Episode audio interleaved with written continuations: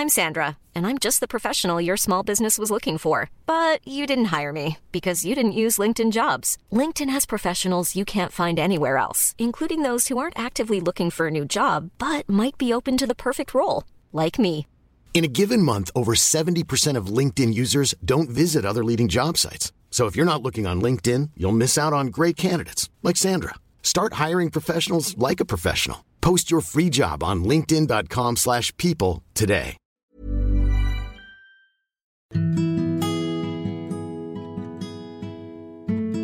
Selamat datang di segmen bercerita podcast Bincang Asa dan Rasa. Segmen ini adalah segmen baru yang dibuat khusus untuk membagi cerita mereka tentang kehidupan. Kali ini, aku akan membawakan cerita tentang perjalanan seseorang melepaskan diri dari hubungan yang tidak sehat. Tentang bagaimana ia yang mulanya percaya bahwa keadaan akan berubah pada bahagia, hingga akhirnya ia menyadari bahwa sebagai wanita, kita juga memiliki hak untuk merdeka. Dari perjalanan Nadia Safira, selamat mendengarkan. Aku udah pacaran sama mantan aku kurang lebih 4 tahunan.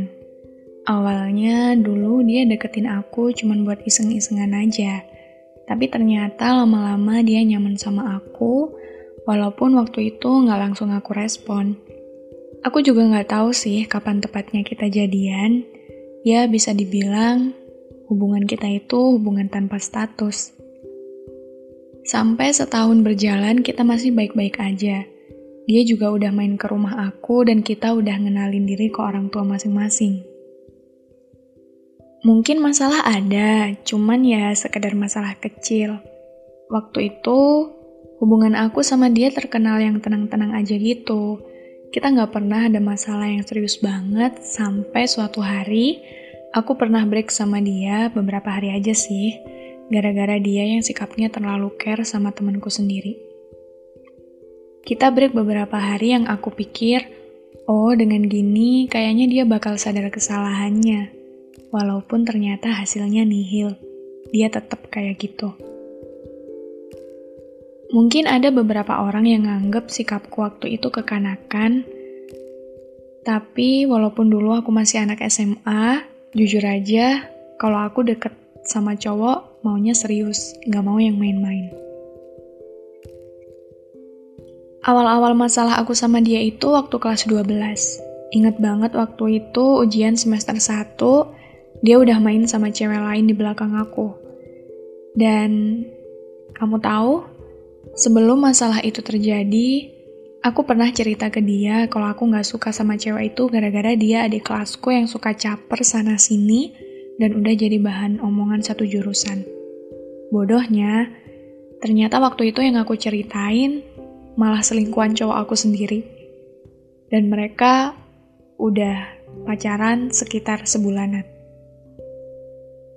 Parahnya semua orang tahu hubungan mereka kecuali aku, sahabat-sahabat aku, teman-teman sekelasnya dia. Semua udah tahu tapi nggak ada yang berani bilang ke aku. Mungkin karena waktu itu aku sama mantanku bener-bener kayak nggak pernah ada masalah dan baru itu ada masalah yang ribet banget. Sampai akhirnya suatu hari aku didudukin sama sahabat-sahabat aku, dan waktu itu perasaan aku udah bener-bener gak enak, kayak, wah ini pasti ada yang gak beres nih. Soalnya beberapa hari sebelum itu dia sering banget waktu aku telepon selalu berada di panggilan lain. Dan ternyata bener dong feeling aku selama ini. Sahabat-sahabat aku pada ngasih tahu aku cetanya dia, foto-fotonya mereka berdua.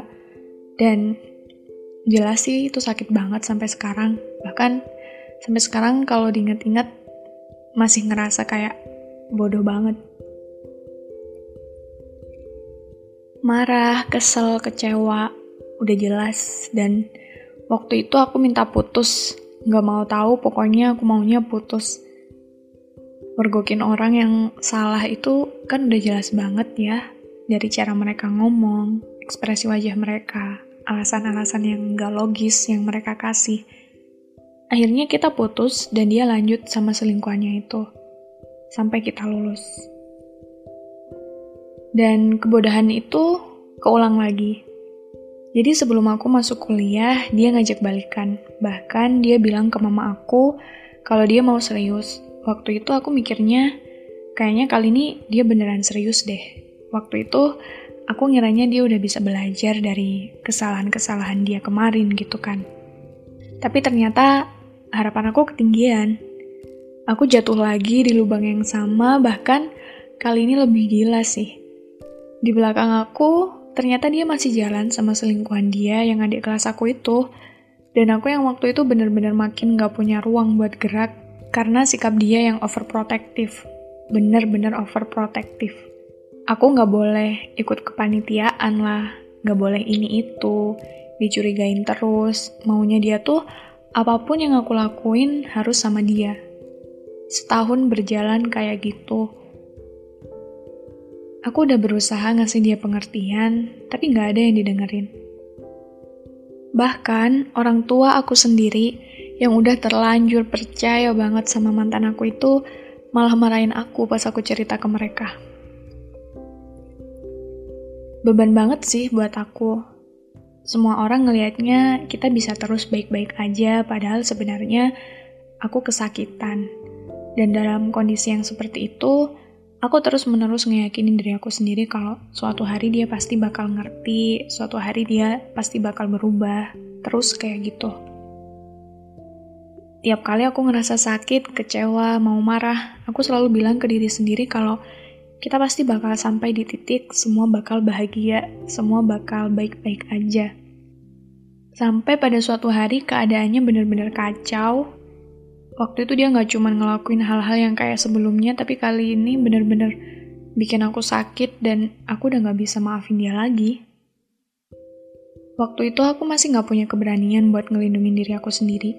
Nggak punya cukup keberanian buat nyelamatin diri aku sendiri. Akhirnya yang aku lakuin cuma minta ke Tuhan kalau emang dia bukan yang baik buat aku, tolong dijauhkan, tolong secepat mungkin dijauhkan. Dan bersyukur banget Gak lama setelah itu kita benar-benar dijauhin. Dan saat itu akhirnya aku punya cukup keberanian buat putus dari dia. Buat ngelindungin diri aku sendiri, buat menyelamatkan perasaan aku sendiri. Waktu itu aku punya cukup keberanian. Aku berharap banget dia dapat cewek yang baik buat dia, dan berharap banget dia nggak lagi ganggu kehidupan aku yang sekarang.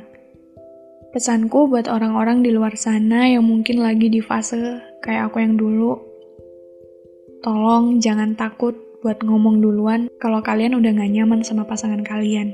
Itu hak kalian.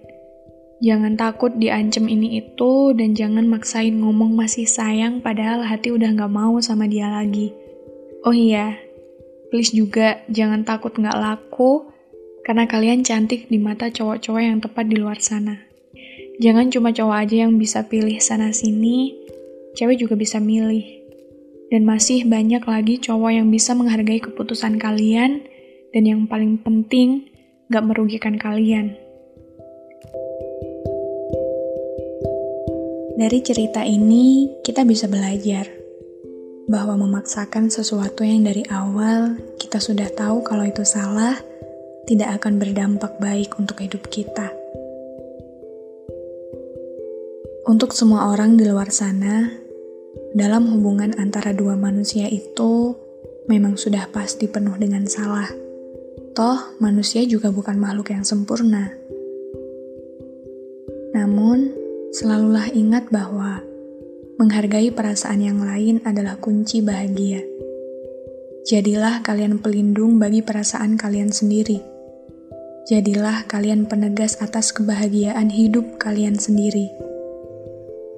Karena mencintai memang boleh, tapi jangan pernah sengaja menjadi bodoh.